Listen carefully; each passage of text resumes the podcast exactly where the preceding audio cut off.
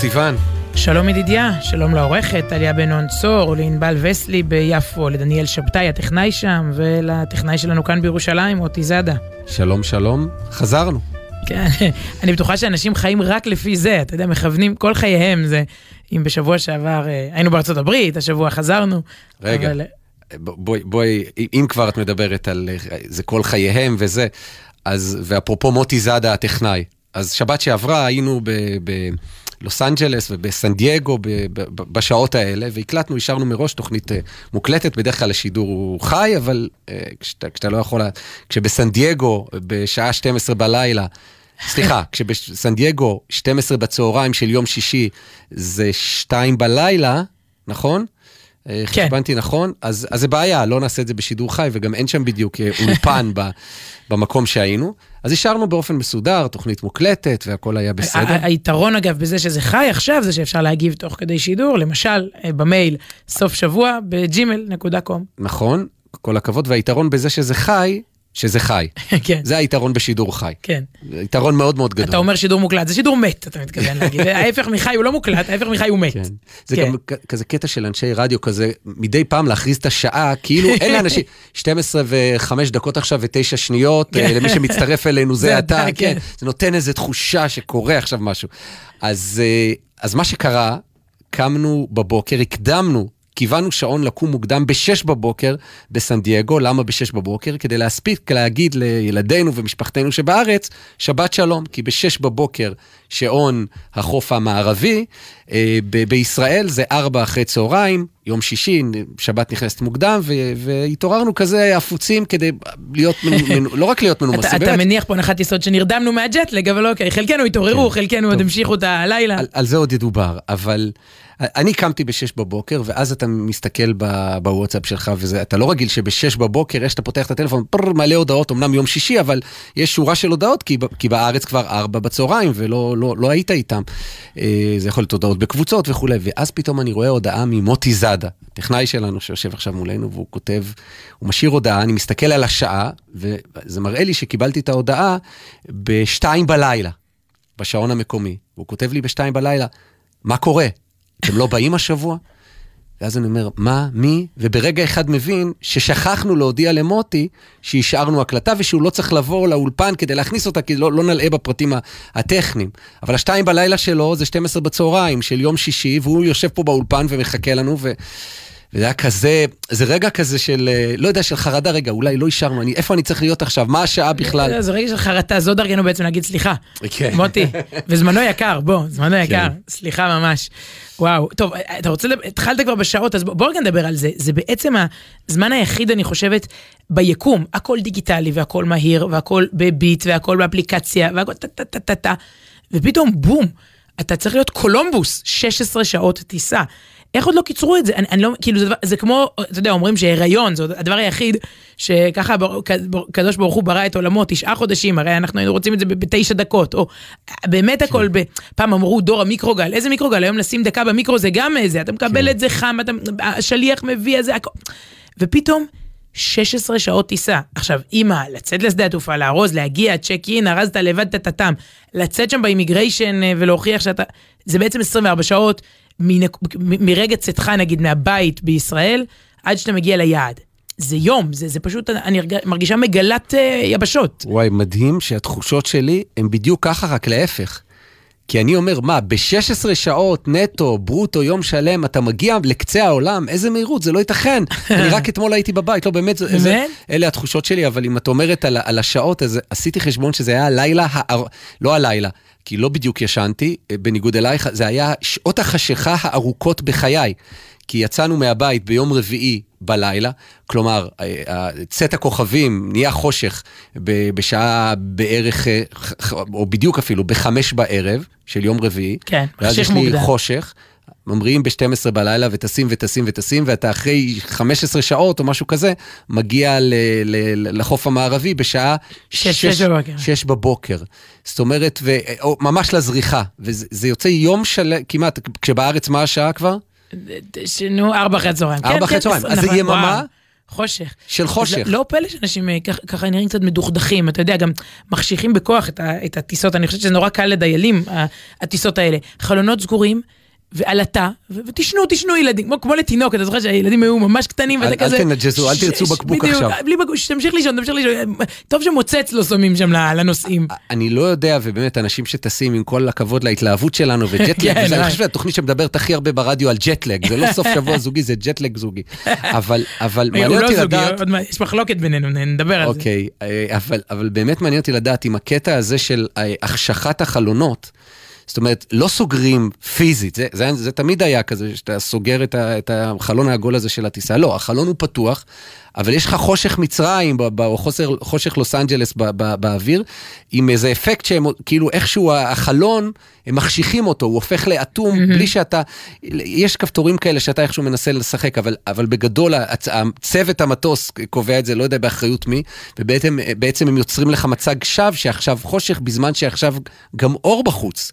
אני לא מדבר על מה שאמרתי שיצאנו עם ממש שלמה, גם כשחזרנו, זה היה בשעות אחרות לגמרי, והיה אור בחוץ, אז יש חושך... כן, אל תפריעו לעצמכם. השאלה אם זה מניפולציה, כאילו זה משהו חדש, זה תמיד, אני כמתפלל, זה קטסטרופה בשבילי.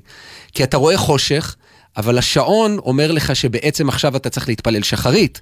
ויותר מזה, אם לא תתפלל שחרית בתוך שלוש שעות או תפילת מנחה, יש דדליין לתפילות האלה, עובר הזמן, השמש באמת שוקעת ועכשיו אור, שמש זורחת, זה דברים שאני צריך לדעת כ- כיהודי מתפלל. אולי צריך להיות מחלקה לאלה שרוצים, אה, לא, כי הרוב, הרוב כן, כן יש פשוט כן. צונחים, כאילו, אני פתחתי את הלפטופ באיזשהו שלב כדי לעבוד, הרגשתי לא נעים שאני מאירה, אתה יודע, כולה מסך של לפטופ, ואפשר קצת להחשיך אותו גם, לעשות אותו יותר ככה נכון. עמום, הרגשתי לא נעים, כולם נוחרים פשוט, אתה, אתה באמת אה, מחלקת שינה, אבל... אפרופו אתה אומר שהכל נגיש והכל זמין וכולי, פעם היה ברור שאתה בטיסה, אתה בטיסה, זה תירוץ מדהים אגב. אני לא מבטלת בסטטוס שלי את הזה שאני בטיסה, גם אחרי שאנחנו חוזרים. או, בטח. לפחות עוד יומיים אני נהנית מזה. בחו"ל, אתה יודע, בטיסה, אז כאילו זה נותן לך עוד יומיים אה, כיפת ברזל. אבל זה מדהים שזה עדיין תירוץ. כי כאילו מה, אז את לא זמינה בוואטסאפ? איפה את לא זמינה? או, יפה, יפה. בהמראה, בדיוק ההמראה. 20, זה נותן לך, זה כמו חניון, חניון זה תירוץ לאי זמינות של דקה, נכון? נכנסתי למנהרה. לא, המנהרה החדשה בכניסה לירושלים. אתה יודע איך אני משתמש בכביש 16 הזה, כאילו אורכו, באמת, איזה... לא יכולה לדבר עכשיו. לא יכולה, אני בכביש 16. אז אותו דבר, הטיסה היא כבר מזמן לא תירוץ לאף אחד. אני אומרת לא, אני בטיסה. אז היו לי כמה עניינים של עבודה שהשארתי לא, לא, לא פתורים. אז כתבו לי, אוקיי, אז, אז, אז, אז עוד חצי שעה תמשיכי, כאילו, מה, מה? עכשיו, חבילות וי-פיי, שגם הולכות ונהיות זולות למרבה הצער, בעצם אין דבר כזה אה, אה, יותר להגיד, אני במטוס, אוקיי, ת, ת, תעבוד. בחזור ממש, ראיתי אנשים עובדים, אה, זה היה יותר שעות יום, וברמות של ישיבות עבודה, אתה יודע, לא בדקתי אם זום עובד מהשחקים, אבל ממש ברמה של טה-טה-טה, מתקתקים את העולם. ואם פעם, כאילו היה ברור שאנחנו מנותקים, היום יש, יש מקומות בעולם, לא בדקתי בדיוק מעל איזה אוקיינוס ומה בדיוק, שרחמנא ליצלן, אין בהם וי-פיי. במהלך 16 שעות אנחנו חוצים את הכדור, רק תחשוב מה, מה המטוס עובר מנתב"ג ל-ALX, לשדה התעופה הגדול. יש כמה נקודות חלשות, אני, אני מכירה אותן היטב, גם מההלוך וגם מהחזור. העצבים שזה מעורר באנשים, כאילו הדיילת אישית אשמה בזה, אתה יודע, היא כיבתה לך את הווי-פיי. אדוני, עד לפני ממש כמה שנים היית מתנתק... מה זה כמה שנים? כלום, באמת כלום. לא כן, כן, ודאי. 16, היית, אני לא מבינה, לפני שלוש שנים, 16 שעות אתה לא זמין. נתנו לך כל הדרך, וי-פיי בכמה דולרים, אז חמש דקות, כאילו, לא, קיבלו לי את הווי, אתה יודע, כאילו, כאילו המטוס אה, תרסק. אז אה, זה סתם נקודה מעניינת, אפרופו שוב, הזמינות וה, וה, והיכולת להיות, אה, להיות כל הזמן מחוברים. משהו שדי אה, מוזר שעדיין קיים, ואני אומרת שוב, הכל היום הולך לקראתך, מה אתה רוצה, תבחר, תביא, תיקח, מביאים לך, אתה יודע, הכל, תוסיף זה ותקבל שניים במחיר אחד, גם השליח יהיה בחינם. עדיין מסתובבים עם ארוחה אחידה, מזעזעת, אה, ספק חמה מאוד, ספק קרה מאוד, אתה יודע, או שהיא יצאה מהמקרר, כל מיני מלפפונים שראו ימים יפים יותר, או שזה איזה, אני לא יודעת אם זה עוף או החביתה, אני לא כל כך מבדילה בין, כן. לא, אין כל כך הבדל, טוב שהם כותבים למעלה אם זה הבשרי או החלבי, אתה יודע. זה בהנחה שהצלחת לפתוח את זה, או שזה רק במנות הכשרות למהדרין שהם נעול, לא, אני חושב שתמיד החביתה כן, נעולה, זה פשוט לתת לך זמן להעביר את הטיסה נראה לי. הפעלות, כמו שיש מסעדות עם ציורים לילדים, אתה יודע, עם הפעלות, ואז אתה גם מרביץ במרפק לזאת שיושבת לידך, כאילו אתה ככה, כן. כל ה... הכל חם. זאת שיושבת לידך זה אני. כן. משהו פה לא ברור לי, כאילו, בשביל מה כל ההתעסקות הזאת? יש אה, אפילו אפליקציות, כשאתה, לפני שאתה עולה למטוס, אתה יודע, יש ארומה, אני לא אעשה פה פרסומת, אה, יש עוד מקומות בנתב"ג, אה, אישית אני אוהבת לעצור בארומה. קח שם שני כריכים, כל אחד, ההוא רוצה קמח מלא, ההוא אלרגי לגלוטן, ההוא רוצה את זה עם טונה, ההוא עם חביתה. לא, טונה זה לא רעיון טוב לטיסה, אל תביא סנדוויץ' עם טונה לכל המטוס. אבל לא, נו, ההוא זה אבוקדו והוא גבינה כזאת. תנו לי זיכוי. אתה יודע, שילמנו על כרטיס טיסה, תפסיקו, כל אחד ישים בתיק שלו, באלקוט שלו כריך, זה גם יותר משביע מכל הבלגן הזה שהבאתם, וזהו, כאילו... פחות מזהם אגב עם הפלסטיקים. לגמרי, לא נעים שהדיילת אוספת את זה, ואתה אומר, מי בכלל אכל פה, מי נגע בכל השכבות של האלומיניום והניילונים והחד פעמי? לא, אבל זאת התעסקות נחמדה נראה לי, מעביר את הזמן לכולנו שם בזה. טוב, נחתנו באיזשהו שלב, נכון? לא, כל החוויות מהטיסה הזאת, זה הטיסה? כאילו אין... אז הגענו ללוס אנג'לס, תחילה.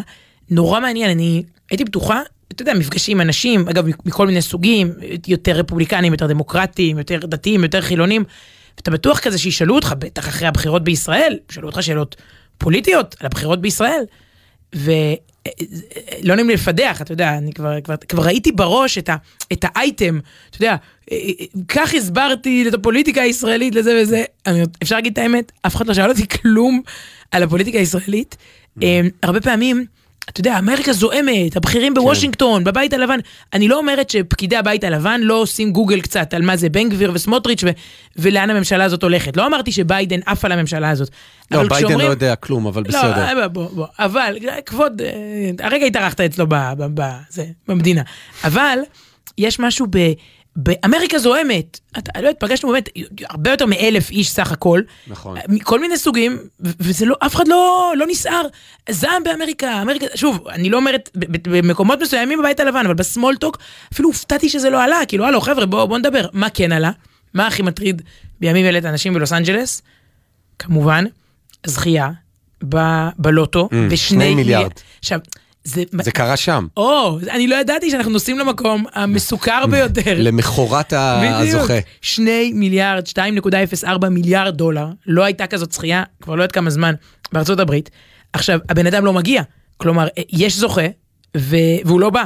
ומתעסקים, באמת, מהדורות החדשות, כל מה שאני הצצתי, זה, זה היה סביב זה, צריך לה, להבין, זה נקרא גרלת הפאוורבול, והמחיר של הכרטיס הוא שני דולר. כאילו מישהו קנה כרטיס בשני דולר ומקבל שני מיליארד דולר.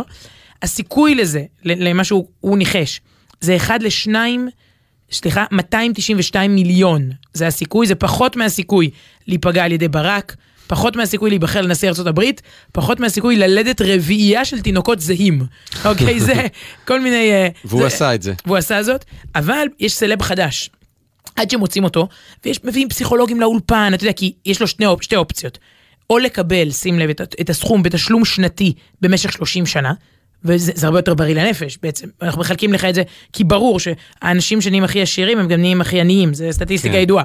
הוא, הוא יכול להיות יותר עני ממה שהוא היום, אה, וואו, תוך, כמה, תוך כמה זמן, או שהוא יכול לקבל מה שנקרא ביד ומיד חצי מהסכום, מיליארד. מעניין מה הוא יבחר, שוב, כשימצאו את האיש, אולי הוא, זו שכונה מאוד ענייה, שכונה בה בעצם אה, אה, אה, נמצאת התחנה, ולכן רוב הסיכויים שמי שזכה, לא יודעת, זה בכיס שלו, ז, ז, זרק את זה, לא, לא שומע וואו, חדשות. וואו. בינתיים יש סלב אחר, כל התקשורת בלוס אנג'לס עליו, המוכר, ג'וזף צ'יי הייד, בן 75, מהגר מסוריה, שקיבל מהנהלת ההגרלה, מהנהלת הפאוורבול, מיליון דולר על, הכר... על זה שאצלו למה? היה הכרטיס. כן? תמריץ, אתה יודע, כאילו, זה, זה, זה, אולי כי הם צריכים אייטם. מיליון דולר, הבן אדם גם הוא איזה מהגר ככה בשכונת עוני, קיבל מיליון דולר ואומר שהוא לא סוגר את התחנה, ממשיך למכור את ה... והוא הולך לקבל את זה בפעם אחת, או כל חודש ש... מחלקים לו את זה? נראה לי שפעם אחת, אבל בוא נגיד שעזבנו, הם כבר היו בראיונות עומק עם אחד מנכדיו, אז זה בערך, זה הטריד אותם הרבה יותר מהפוליטיקה הישראלית. טוב, אה, כמו שאומרים ברדיו, 12 ו-17 דקות עכשיו ו-49 שניות, נראה לי שנלך לשיר הראשון שיביא אותנו אולי לנושא שהיה אמור להיות הראשון, אבל הפלגת ככה בטיסה, הגענו לשם אני הפלגתי, אתה... לשבת העולמית, ו... אה. השיר הזה מתאים בעצם גם, גם לשבת הלא עולמית, שזאת השבת הזאת, כל שבת שהיא. שלום עליכם, דוד דאור.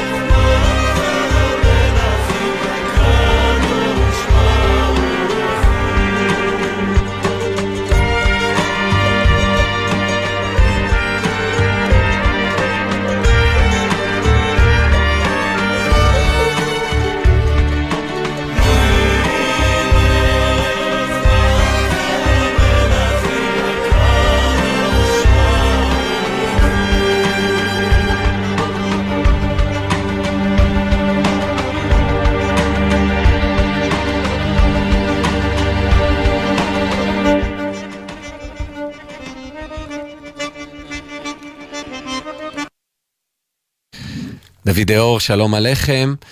עכשיו משהו על ניצול זמן שכתבה עמליה רוזנבלום, שהיא גם הבת של אדם ברוך, זיכרונו לברכה, וגם היא אחות של עידו רוזנבלום, כל אחד ומה שעושה עליו רושם, את יודעת? והאיכוס שלו. כן, והיא גם, אה, והיא גם בזכות עצמה, היא סופרת, אני חושב שהיא פסיכולוגית גם, כמעט תבדקי את זה תוך כדי ה... בודקת הנה זה ניצול זמן, תוך כדי, אמרת ניצול זמן, אשתך בודקת לך תוך כדי דברים. כן. אוקיי, אבל תקשיבי גם תוך כדי, זה יהיה הניצול, ניצול הזמן. אה, והיא כותבת כך, יש לי חדשות רעות. כן, פסיכולוגית, מטפלת זוגית, סופרת, סופרת. נו. כמו שאמרתי, נו, מה, את לא, לא סומכת עליי, מה את בודקת לי עכשיו? יש לי חדשות רעות וחדשות טובות. נתחיל ברעות. אתם לא תספיקו.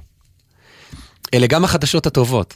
אתם לא תספיקו לענות לכל האימיילים, להגיד תודה לכל מי שהביא מתנות ליום הולדת של הילדה. לא תספיקו לפגוש עוד פעם את, החב... את החברה מניו יורק שבדיוק מבקרת, לראות את הסרט החדש המומלץ, לקרוא השבוע את הספר שיושב לכם ליד המיטה, שלא לומר שישן לכם כבר ברוב שהוא יתייאש מכם. לא תצליחו לברר כבר עכשיו איזו קייטנה יש בחנוכה, וכנראה לא תקפצו השבוע לבקר את הדודה שלא נהיית יותר צעירה. סביר להניח שלא תלמדו להכין את המתכון המרשים ההוא, לא תאווררו מראש את צמיחות החורף, וכנראה גם לא תצליחו לסיים את הקורס שרכשתם אונליין. דווקא את זה אני עשיתי, דיברנו על זה בהרחבה hmm. שבוע שעבר, טוב.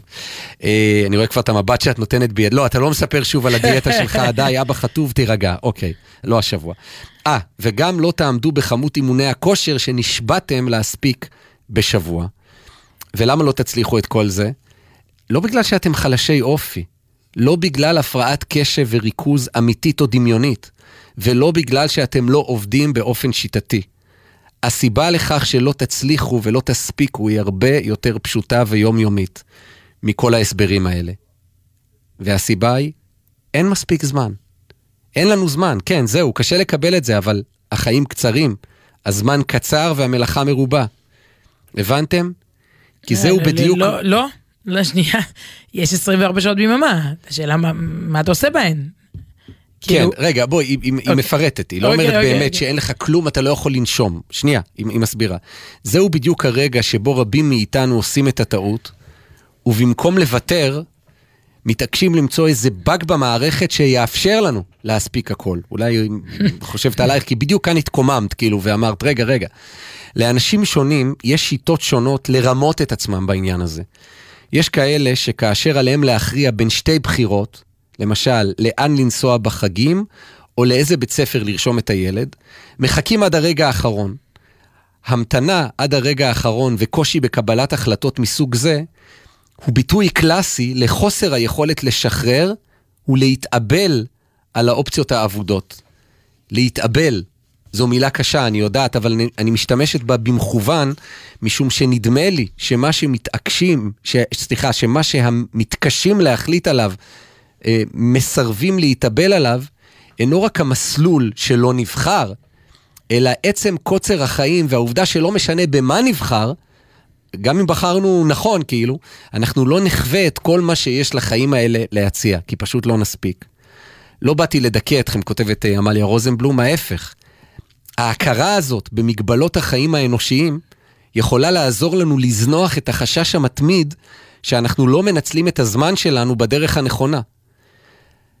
הדוגמה הבולטת ביותר לתפיסה הזאת היא אינסטגרם. מקובל להאמין שהבעיה העיקרית עם אינסטגרם, מהי, ואת מדברת על זה הרבה בהרצאות שלך, החשיפה הבלתי פוסקת לדימויים בלתי מציאותיים. אנשים עם גוף מושלם, שותים קוקטייל מושלם על רקע מפרץ מושלם מהחלומות, אימהות משקיעניות משתעשעות על שטיח יוקרתי עם תינוקות יפהפיים ומאוד מאוד נקיים, מלונות גדולים עם חמאות קטנות, מלונות קטנים עם חמאות גדולות. ברור שהחשיפה לכל אלה, בזמן שיוקר המחיה עולה וחילוף החומרים שלנו יורד, מגבירה אצלנו תסמינים של חרדה ודיכאון. זאת אומרת, אתה רואה באמת אנשים שחוגגים את החיים ובחופש וכולי וכולי. אבל, ו- ו- וזאת הנקודה שהיא אומרת, וזה הניואנס פה, ההבחנה הנכונה, לדעתי, הדימויים הפנטסטיים שאנחנו מופצצים בהם, מהווים רק את פני השטח. הבעיה האמיתית היא דווקא בהיתקלות בתמונות של פנאי, לא, לא מהחלומות, לא המלון הזה הקטן עם החמאה הגדולה וכולי, אלא בתמונות של פנאי שגרתי. למשל, בחורה שעומדת סתם בתחנת הרכבת התחתית של ניו יורק. סופרת, או, או של בנימינה אגב, היא בחרה בניו יורק, בסדר. סופרת שעושה הפסקת קפה בזמן הכתיב, הכתיבה. כמה חבר'ה מנגנים ביחד. מישהו שעובד על האיורים שלו, פתיחה של תערוכה, משפחה בליקוט פטריות או מסיק זיתים. או, או בפיצריה. כן, כן זהו, שוב, זה עולם, העולם שלה, אבל, אבל את, את מבינה את רוח הדברים. Mm. ועוד מעט היא תסביר גם. סלפי של אישה קוראת ספר, מודעה עם רשימה של תאריכי הופעות, צילום סתמי של שלוש חברות שנפגשות לארוחת בוקר, טיול עם הילדים על שפת הים בתל אביב, או בסדר, בירושלים. ב... כן. אף דימוי מרשימת הדימויים הללו, וזאת הנקודה, כן? אף דימוי מרשימת הדימויים הללו לא תלוי בתקציב בלתי מוגבל. רבים מאיתנו יכולים להרשות לעצמנו להיפגש עם חברים לקפה, ללכת להופעה פה ושם, לטייל עם הילדים על שפת הים, להצטרף לליקוט פטריות, להתפנות כמה שעות כדי לעבוד על ציורים שרצינו לצייר או על ספר שאנחנו חולמים לכתוב. ואני מוסיף או פשוט ספר שאנחנו רוצים לקרוא. לא צריך להגיע ללכתוב, שוב, זה העולם שלה של כתיבה וכולי. הנקודה היא, הנקודה היא שלאף אחד מאיתנו אין את האפשרות לעשות את כל הדברים האלה, הקלים לביצוע, במקביל. אנחנו חייבים לבחור. בהיבט הזה, האינסטגרם מבלבל אותנו מאוד. השצף העצום של האופציות גורם לנו לשכוח שבחירה בכל אחת מהן פירושה ויתור על כל האחרות. הבחורה שכרגע נפגשת עם החברות שלה לא עובדת במקביל על הספר שלה. הבחור שמנגן עם החברים שלו לא מטייל באותו זמן עם הילדים שלו על הים. וזו שקוראת ספר לא מוסקת זיתים, וזה שמוסק זיתים לא צופה בהופעה חיה. אם אתם בניו יורק, אתם לא בהודו, ואם אתם באיטליה, אתם לא ביוון, פשוט לא. אז זהו, שההבנה הפשוטה זה, הזאת... זה נשמע דבילי, אבל זה, זה מאוד מאוד עמוק, כאילו, תמיד מישהו בחופשה באינסטגרם, אוקיי, אבל הוא בחופשה יום בשנה, אתה רואה, אתה, אתה כל הזמן רואה אנשים בחופשות, לצורך העניין. כן, אז זהו, אז היא מדברת על המצבור הזה. ההבנה הפשוטה הזאת של, מגבל, של מגבלת האנושיות, האנושיות, הולכת לאיבוד כשאנחנו מופצצים במידע לגבי האופן שבו אנשים אחרים בוחרים להשתמש בזמן שלהם. זה האופן העמוק, ביות, העמוק יותר שבו אינסטגרם מנגן, ובעצם הרשתות החברתיות, אני מדברת על אינסטגרם, כי שם זה יותר תמונות. ב, ב, ב, בטוויטר אתה מגלה שאנשים יכולים לריב בו זמני, ואתה אומר, איך אני לא יכול לעשות את אותה מריבה עם כל כך הרבה אנשים. זה האופן העמוק יותר שבו האינסטגרם מנגן על החרדה העמוקה ביותר שלנו, החרדה שאנחנו לא משתמשים בזן, בזמן שלנו באופן שבו, באופן שבו אנחנו אמורים לעשות. ופה עוד, עוד איזה הבחנה אה, אה, חכמה, זה דומה לפומו, החרדה... fear of missing out, כן? הרגשה שתמיד אתה מחמיץ איזה משהו. אבל זה לא פומו, משום שהחרדה אינה שנפסיד משהו ספציפי כזה או אחר שיתרחש ברגע שנסובב את הגב או נניח את הטלפון בצד. החרדה היא מעצם העובדה שגם אם נישאר תמיד ערים, וגם אם יהיה לנו תקציב בלתי מוגבל, וגם אם יהיו לנו החברים הכי מקושרים, ההזמנות לאירועים הכי מסעירים, לעולם לא נוכל לעשות הכל. גם מישל אובמה, ושוב, זה עולם הדימויים שלה, אבל בסדר, נו.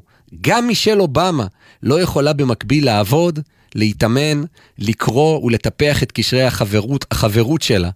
למה? ככה, כי זה פשוט לא אפשרי, וככל שנקדים לק... לקבל את זה, כך יקל עלינו. אולי כי הסיסמה של בעלה של מישל אובמה, אתה יודע, זה היה yes we can, אבל היא בעצם אומרת no we can't, אי אפשר הכל. אפשר, אפשר, אפשר לעשות את זה, אבל לא את זה. אוקיי. Okay. דווקא אם נתחיל להזכיר לעצמנו מראש שאין שום סיכוי שנספיק הכל, נוכל להפסיק לכעוס על עצמנו בכל פעם שאכזבנו מישהו או לא הגענו למשהו שקיווינו לעשות, ובעיקר נוכל ליהנות יותר מהדברים שבחרנו כן לעשות, מה שמעיד על כך שהם כנראה החשובים לנו ביותר. יפה, כלומר, אבל אני חושבת שהכל הכל מתחיל בבניית אישיות. שהיא, מה אתה רוצה לעשות? אני, אוקיי, ברש, אני יכולה לראות הרבה דברים ברשתות, ו, ו, אבל מה רשימת המשימות שלך בחיים? מה חשוב, מה הדבר העיקרי בחיים שלך? אני מוסיפה על זה עוד סיבוך. רוב הדברים בחיים, הם לא מצטלמים לסטורי. אותה אחת שכותבת ספר, כתבתי ספר לא מזמן, זה ממש לא ויזואלי. זה פעם ב... איך היא כתבה? היא עושה הפסקה. בזמן שבו אתה, אתה מעדכן ברשתות על הספר שלך, הספר לא מתקדם. זה עמל, זה להתנתק ולהתרכז. גידול ילדים זה לא שמה איך האימא הזאת עם, על, על, על השט... להעלות סטורי עם התינוק זה לא לגדל תינוק, זה לדגמן אה, אימהות. גידול ילדים זה אה, להחליף להם חיתולים ולקום בלילה ולהכין בקבוק אה, ולבדוק להם קינים ולגזור ציפורניים ולמלא הצהרת בריאות. ולזכור לשלם לחוג שחייה שנפתח בצהרון, במתנ"ס של זה. מאיפה הבאת עכשיו את ההצהרת בריאות? מה, את זורקת אותנו אחורה? כי יש אחת שעוד לא מילאתי השנה. לא, לא, לא קורונה, לא קורונה. אתה אולי לא מעודכן בזה, יש הצהרת בריאות כל, כל תחילת שנה. אה, לא הבנתי, כן. חשבתי לבית ספר, מה? טוב, אוקיי. אנחנו כן. שידור חי, רבותיי, 12.32 זה הדרך שלך, לא, כי בדיקות קינים אתה... שמע איזה הקלטה של לקט. גזירות כן. ציפורניים, אתה כן עושה, לא, מאיפה הגעת אה. ל... לא, אבל... זה בכלל לא הבנתי על מה את מדברת, אבל זה היה משהו מהעבר. בכל אופן, העניין זה שרוב הדברים שאתה עושה הם בכלל לא אינסטגרמיים, רוב החיים הם לא, הם לא, סליחה, היא פסיכולוגית, נו, לימודי הפסיכולוגיה הם, הם הדבר הכי הכי, אתה יודע, אנחנו מכירים מקרוב עכשיו מישהו שהוא בין התואר הראשון בפסיכולוגיה לשני. זה הדבר הכי לא, לא, לא אינסטגרמי שיש, ואם אתה רוצה לבנות משהו משמעותי בחיים, אם זה דוקטורט, ואם זה אה, ללמוד תורה, ואם זה זוגיות, ואם זה חינוך ילדים, ואם זה קשר, לא משנה מה, כאילו, אתה, זה, זה... זה העניין, שבסוף, אה, אה, גם כשתבחר לעשות את הדברים הנכונים, בכלל לא תוכל כל יום להדהד אותם ב stories, כלומר, זה, זה הבלחה פה, הבלחה שם, אבל את, את, החיים הם בסוף מרתון, הם לא, הם לא ספרינט. ואני חושבת ש... אה, טוב, זה, זה יפתיע אותך אם אני אחבר את זה לפרשת השבוע? יפתיע אותך אם לא. יפתיע לי, בדיוק. יש, האמת, נראה לי שזה לפרשה הקודמת, איזה פדיחה. אתה זוכר שבאים שלושה מלאכים? אנחנו השבוע בפרשת חיי שרה. בשבוע, בשבוע שעבר, פרשת ויירא, הגיעו שלושה מלאכים כן, להגיד אגב, לשרה... סליחה, כן. קיבלתי וואטסאפ, גם בשתיים בלילה, זה היה באחת בלילה, כשהיינו בסן דייגו, דוקטור אבשלום קור, התראה מראש, כן. שזה, שפרשת השבוע היא לא ויירא, אלא ויירא. ויירא. כן. שבוע, שבוע שעבר. שבוע שעבר, אני אומר, כשהיינו בזה, כן, ובטח אמרנו ויירא. מתנצלים למוטי זאדה, מתנצלים לאבשלום קור, כן, הכל בסדר. זה לא, זה היה מוקלט. ויירא. כן. אז uh, בשבוע שעבר, אבל זה מתכתב עם הפרשה שלנו, שבה שרה כבר הולכת לעולמה, אבל שם היא מקבלת את הבשורה על כך שהיא, uh, שהיא הולכת להיוולד לבן, uh, העקרות תסתיים ויצחק יבוא לעולם, אבל ניצול הזמן של שרה ואברהם, מעניין שחז"ל, זה לא משהו ניו אייג'י. איזה ערך שעכשיו המציאו. חז"ל, המאמר שלה הוא מהארץ, אתה יודע, מדברים היום הרבה על, על, על ניצול זמן בכל מקום. לא, לא. חז"ל ממש מדגישים שאברהם ושרה חיו חיים מלאים כל יום. כתוב, ואברהם זקן בא בימים. אומרים שהוא בא, מה זה בא בימים? הוא בא לעולם הבא עם כל יום מימי חייו. הוא יכול להצביע על כל יום. מה עשיתי? איך mm. ניצלתי? איך גדלתי? כל יום מלא ב, בעשייה. ו- וזה קשור לאותם שלושה מלאכים, נזכיר שוב, אברהם יושב בפתח האוהל, אה, כאוב, ביום חם, אה, אחרי ברית מילה, חולה, מגיעים שלושה... חם זה understatement, כן, לעומת מה שהיה. כן, כן, ומגיעים שלושה מלאכים, שלושה בעצם אה, אנשים זרים, בשבילו הם נראים עוברי אורח זרים, הוא רץ לארח אותם, וכל אחד מהם מגיע עם שליחות. אחד מגיע, אם הילדים שלכם כבר באוטו, מהגן או מהבית ספר, זה הזמן לבדוק, כי זה דברים שככה, אני חושבת שגננות אוהבות לספר, מלאך אחד מגיע לבשר על בואו נבדוק את הגננת שלך. אחד מגיע לבשר. הולדת. על לידת uh, יצחק. כן. אחד מגיע כדי להפוך את סדום. כן. ואחד מגיע לרפא את אברהם. ורש"י כותב שם למטה, למה זה? כי אין מלאך אחד עושה שתי שליחויות. רגע, בוא, אתם מלאכים, תשלח אחד. וואו, זה ממש מסובך לקדוש ברוך הוא לשלוח בן אדם, הוא גם יגיד לשרה, וגם ירפא את אברהם, וגם ילך לסדום, בדיוק צריך להפוך שם את סדום ועמורה. מה, לא, לא, לא, יש פה מסר לנו, בני האדם, באנו ללמוד, לא רק לראות, זה לא סיפורי ניסים, זה סיפורים על החיים שלנו. יש משימת חיים אחת שאתה מרוכז בה. זה מה אתה עושה עכשיו. אם אתה, עכשיו אתה עושה חסד, חסד, עכשיו אתה מספר, אתה, אתה לומד, עכשיו אתה עם הילדים, תהיה מונח, תהיה מרוכז. ו... זה, בוא נגיד, זה, זה, זו הדרך בה גם אברהם ושרה ניצלו כל יום מימי חייהם, אבל תחשוב, זה כאילו משהו מלפני אלפי שנים. כמה אנחנו מבלבלים את עצמנו במשימות שונות, ונדמה לי ששאלה שיכולה לעזור לנו, זה לשאול את עצמנו בכל רגע ורגע, מה אני עושה עכשיו? כי אפילו מלאך לא עושה, לא עושה שתי שליחויות, אז למה אנחנו מנסים ב multitasking לעשות מלא שליחויות ביחד? אולי גם זה יכול להועיל לנו בניהול זמן בעידן הזה.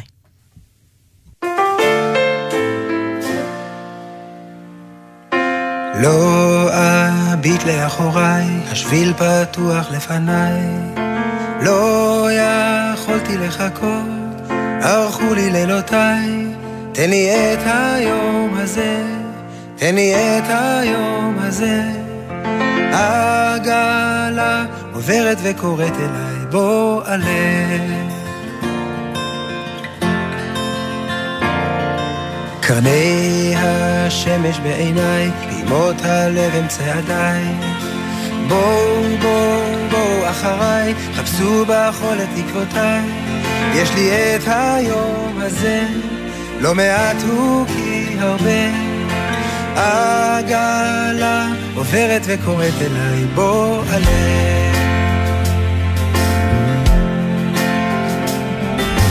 קל ברוח תרמילי, מתנופף הוא על גבי. אצרור בו את ספר תפילותיי, פנקס לרשום בו את שירי. תן לי את השיר הזה, לא מעט הוא כי הרבה. עגלה עוברת וקוראת אליי בוא עלה. עגלה עוברת וקוראת אליי בוא עלה.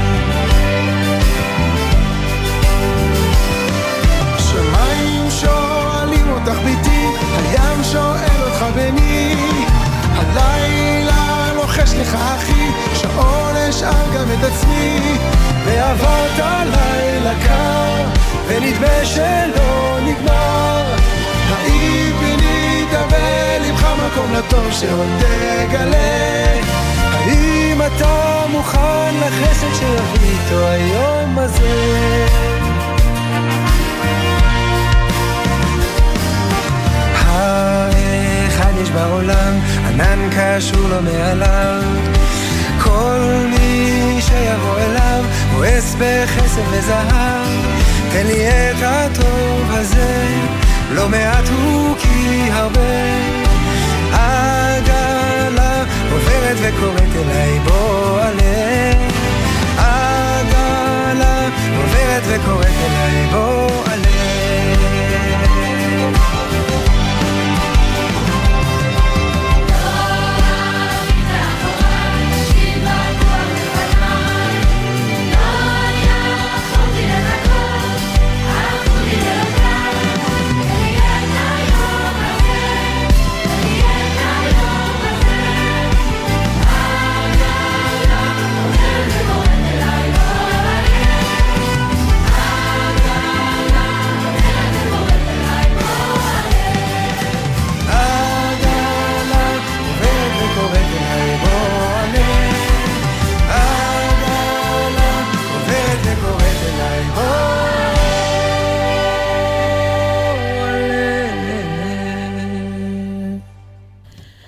תן לי את היום הזה.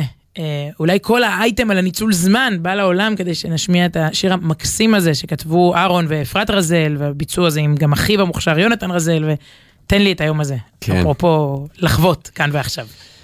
יפה, טוב, ואפרופו שירים, כאן ועכשיו, אז אה, פרויקט אה, יפה שהיה ב... וואי, כבר עברו כמה שבועות, זה עובר איתנו כמה תוכניות. ב- ב- מה, הגיע הרגע? אתה הולך לקרות? זה- אה, זה- זהו, אני זה כבר... בקובץ שלי כבר חודשיים. אני כבר יודע ש, שזה לא יהיה, לא, לא נספיק את הכל.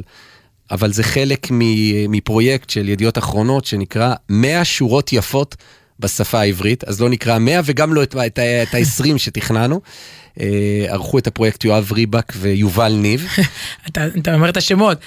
נדנדו לי לכתוב מה הבחירות שלי לפרויקט, יואב ריבק ויובל ניב, במשך חודשים, זה סוג הדברים, ש- זה כזה כיף, זה כזה, אתה שומר את זה, זה כזה משימה כיפית, כן. נכון? אז אתה אומר, טוב, נגמור את כל הדברים הדחופים, אפרופו ניהול זמן, אה, מתישהו נכתוב להם 100 שורות יפות. אה, חשבתי שאת אומרת שיובל ניב, את מכירה אותו, הוא, הוא מעצמו יכול לתת לך עכשיו 200 שורות יפות מה, מהמוזיקה כן, באיזשהו העברית. שלב נראה לי שהוא כבר חשב לכתוב בשמי וזהו, אבל אה, לא, זה מסוג הדברים שהייתי רוצה לקבל את הרשימה, אתה יודע, כי כתב הרמטכ"ל וכתב אה, השר ההוא, את הסדר שבו הם הגישו. מעניין אותי מי הראשון שהגיש, ומי האחרון, זה נראה לי מאוד מעניין אותי פסיכולוגית, מכל השמות שאספו שם, אני נראה לי ממש מהאחרונים. אבל מעניין אותי אם היו כאלה שעוד אחריי הגישו. אוקיי, נו. אז הנה זה מתחבר לשורה של רון בן ישי. או, הוא בטח, אה, כן. והשורה היא היפה שהוא בחר מה, מהשפה העברית או מה, מהיצירה העברית, עברנו את פרעה, נעבור גם את זה, כמובן מילים ולחן מאיר אריאל. מתוך השיר עברנו את פרעה, נעבור גם את זה, והוא מסביר. במוזיקה העברית וגם בשיריו של מאיר אריאל, יש לא מעט שורות ליריות, נוגעות ללב ועמוקות יותר. אבל בחרתי ב"עברנו את פרעה, נעבור גם את זה", מפני ששבע המילים האלה נותנות ביטוי מדויק ותמציתי ביותר למה שהוא בעיניי הרוח הישראלית האותנטית. אותה רוח שפעמה ביישוב היהודי בפלסטינה, ארץ ישראל, והיא שאפשרה להקים את מדינת ישראל. זו לתחושתי גם הרוח שמאפשרת לרבים מאיתנו היום להתמודד נפשית ופיזית עם האיומים והקלקולים מבית ומחוץ שממררים את חיינו. עברנו את פרעה, נעבור גם את זה, היא אמירה שאין יהודית ממנה. אמירה שעושה את ההווה לנסבל יותר כשהיא מגמדת בשיטת קל וחומר, ובאמצעות הומור שחור, צרות ואיומים קונקרטיים. כן? זה, זה ניתוח יפה. עברנו את פרעה, קל וחומר שנעבור את זה, ו, וכאילו, והקטע של ההומור זה עברנו את פרעה, נו, אז מה זה, מה זה בשבילנו? המסר הוא שאם אבותינו, לפני יותר מאלפיים שנה, כנגד כל הסיכויים, הצליחו למרוד בפרעה ולהשתחרר מהשעבוד לשליט מצרי, רוצח תינוקות, ואז לנדוד במדבר 40 שנה, אתה וגם אני בוודאי יכולים, כבנים לעם היהודי, להתמודד עם האיומים, ובעיקר עם המצוקות האישיות שמאכירים את חיינו כאן ועכשיו. ולכך התכוון מאיר אריאל בשירו, עבורו וגם עבורי, השורה הזאת משקפת לא רק אופטימיות גנטית, אלא גם הבעת נכונות לעשות מעשה כדי להתמודד עם מה ומי שניצבים בדרכנו. יפה, אני רק תוהה תוך כדי, מה הם אמרו לעצמם בזמן שעבוד מצרים. כאילו, עוד לא עברנו את פרעה, נעבור גם את זה. עברנו את אבימלך, לא יודע. זהו, מה, את הרעב בימי יצחק, נעבור את פרעה ונעבור גם את זה. היה, עברנו את פרעה הקודם, אבל הוא דווקא היה הרבה יותר טוב. כן, הפרעה הראשון, שאצלו יוסף עבד, לא, אבל... כן, הוא היה פרו-יהודים. אולי הם אמרו לעצמם, נעבור את פרעה, כדי שיגידו לעצמם, עברנו את פרעה, נעבור גם את זה? טוב, אוקיי. הם זעקו, מה, ונזעק, אנחנו אומרים את זה בליל הסדר. אה, הלאה, מרון בן ישי, זה יפה, כאילו מראה פה יכולות, זה לא מה שהיית מצפה, לא, כאילו רון בן ישי, יש כן. תמיד בשטח וזה, והביא פה חתיכת ניתוח לשיר הזה, ומפה לסבר פלוצקר, הפרשן הכלכלי, שהוא בחר בשורה, אני ואתה נשנה את העולם, אני ואתה, אז יבואו כבר כולם. אני כבר מתנצל מראש, זה לא השיר שנשמע, יש שירים כאלה שאם אתה מזכיר אותם, אנשים כבר כן. נכנסים, כמעט אני אומר, לתדר של השיר, וכבר מחכים ל... זה לא יהיה, אני מצטער, לא השבוע. זמרים רבים במקומות רבים שילבו בשיריהם קריאות למעריצים לפתוח במרי, במרד, במהפכה לשינוי פני הארץ והעולם. אריק איינשטיין לעומתם, שאגב, או לא אגב, כתב את, ה, את השיר הזה, את המילים שלו, הלחן של מיקי גבריאלוב, במילות שירו הצנוע, פונה קודם כל לעצמו, לא למפגיני הכיכרות. אני ואתה, הוא שר, אני ואתה. הבה ניתן דוגמה אישית ונתחיל לתקן את המציאות בחלקת האלוקים הקטנה שלנו. ואז הוא בטוח, יבואו כבר כולם. ההגשמה האישית שלי ושלך היא המפתח לשינוי ולא הסיסמאות, לא הנפנוף בדגלים ובוודאי לא הנפנוף ברובים.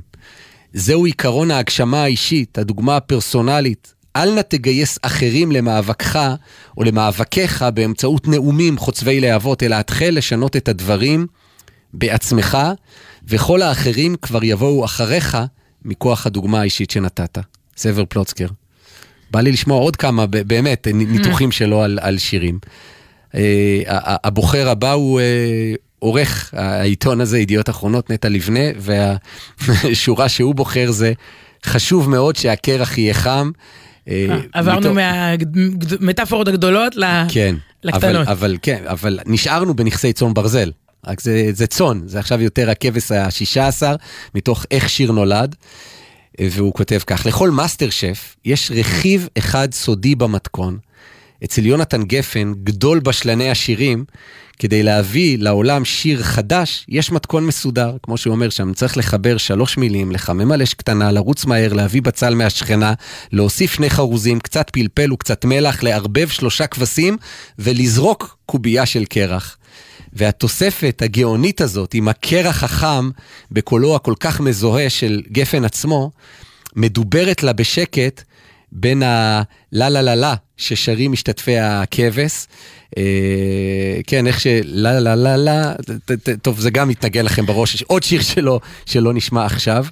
אה, לא שיר אחד נולד באלבום הזה, אלא שורה של מגה שירים, על זמניים.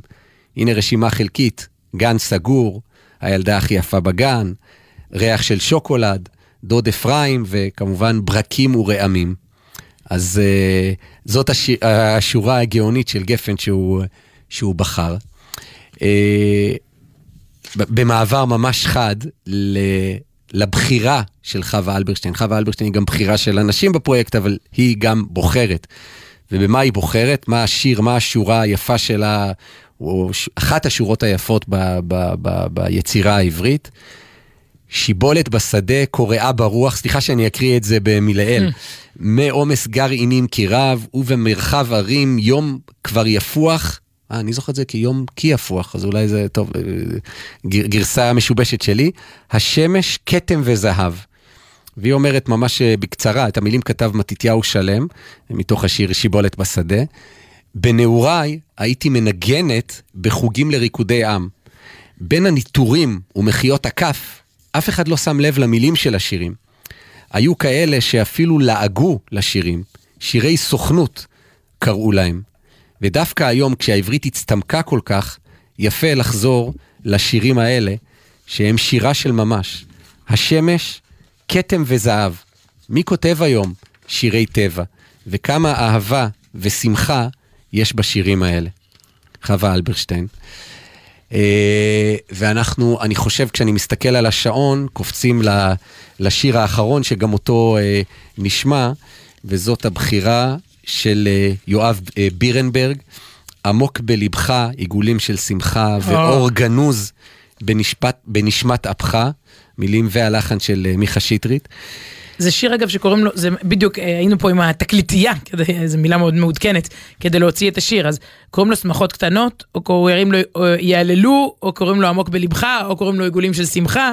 כן, את... והאמת שקוראים לו דסי רבינוביץ', זה אחד השירים דווקא שנסיבות כתיבתו אה, מאוד, אה, מאוד ידועות, אבל הוא, הוא מזכיר את ה, את ה, ממש את הפרטים, דסי רבינוביץ', חולת סרטן שנאבקה על זכותה לקבל טיפול רפואי. אה, ונתנה למיכה שטרית, כך מספר אה, יואב, אה, מזכיר יואב בירנברג, את ההשראה לכתיבת השורות האלה. לא זכתה להגיע לגיל 20.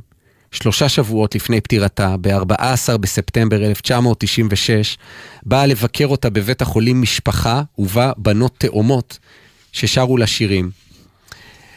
בערב התקשרה למשפחתן, איש לא ענה, והיא השאירה במשיבון מילים מופלאות, כן, זה ממש היה מזכירה אלה ב-96, כן. מזכירה אלקטרונית, מילים מופלאות שהתגלו אחרי מותה. היא אמרה, לכל, לכל אדם יש עיגול בלב, עיגול שמחה.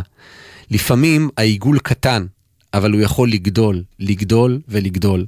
ככל שיש יותר עיגולים קטנים, פחות מקומות כואבים. יש אנשים שעיגול השמחה שלהם קטן, ולנו יש תפקיד, לעזור לו לגדול. אז שתזכו לעשות הרבה עיגולי שמחה לאחרים, ובזכות זה שתגדילו עיגולי שמחה של אחרים.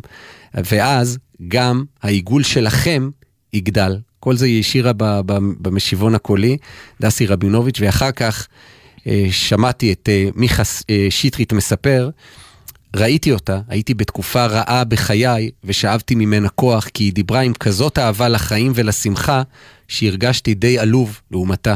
של לעומת דסי רבינוביץ'. מאז, אה, כותב אה, יואב בירנברג, כשאני מחפש עיגולי שמחה בתוך הכאב, אני מתנחם בשורות האלה.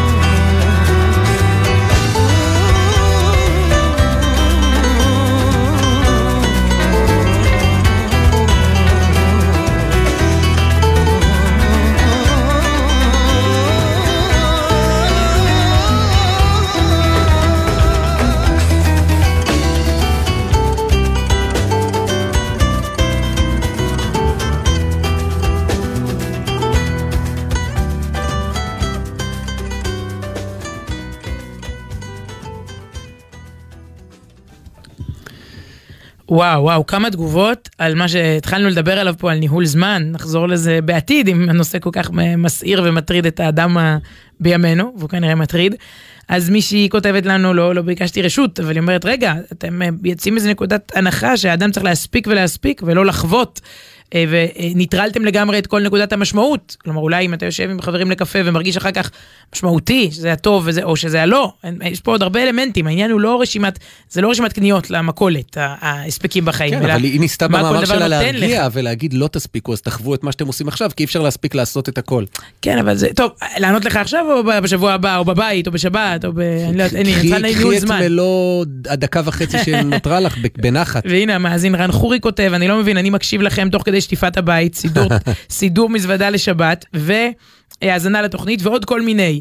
אז זה נכון, אני לא מצפה מאנשים לשבת, כאילו אנחנו עכשיו מודיעים פה על ההצבעה שם באו"ם, ארגנטינה, yes, no, לשבת סביב המקלט, הרי אנחנו בעיקר עושים משהו שמאזינים לו גם תוך כדי, ואנחנו ודאי כן, כן multi-tasking בחלק מהדברים. טוב, נחזור לנושא, אני מניחה, ב, אם, אם יותיר לנו הזמן, מה שנקרא, אבל כרגע ודאי שניהול הזמן uh, שלנו כאן הסתיים. טליה בן צור העורכת, uh, ענבל וסלי באולפן ביפו, דניאל שבתאי הטכנאי שם, ומוטי זאדה הטכנאי פה בירושלים. כתובת המייל שלנו, לתגובותיכם, היא סוף שבוע במילה אחת בג'ימל.קום. שבת שלום. שבת שלום.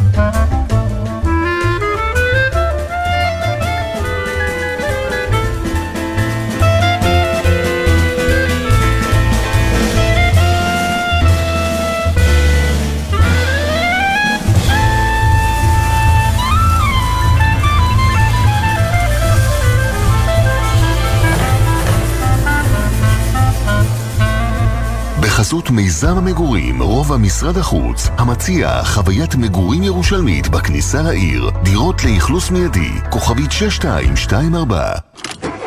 מה נשמע, נשמע, סוף השבוע, היית של החיילים,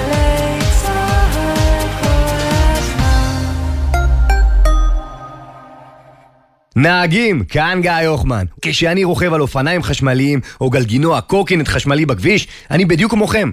רק בלי עטיפה של הרכב שמגינה עליכם. אה, וגם בלי חגורת הבטיחות, ובלי ארבעה גלגלים ששומרים על היציבות, ובלי כריות אוויר, ומזגן, וחלונות, ותא כפפות, ולמה קוראים לזה תא כפפות? מישהו פעם באמת אחסן שם כפפות? טוב, לא חשוב.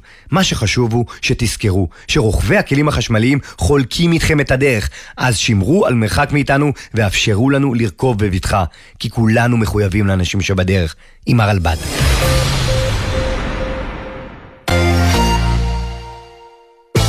ציפורי לילה מאחורי הקלעים. ענבל גזית ורותם בן חמו משוחחים עם האנשים שעשו את עולם התרבות והמוזיקה הישראלי. על ההחלטות, הסיכונים והסיפורים. והשבוע, המפיק והקולנוען משה אדרי. ליאון אמר לי, צריכים להקים קומפלקס של 30 בתי קולנוע. הגיע למסקנה שאין לנו ברירה אלא ללכת לגלילות. הספידו אותנו, גם היום מקום בעייתי. מי יבוא לתחנת דרך לראות סרט? לא האמין שם, באים אלפי אנשים למקום הזה. מוצאי שבת בחצות, גלי צה"ל.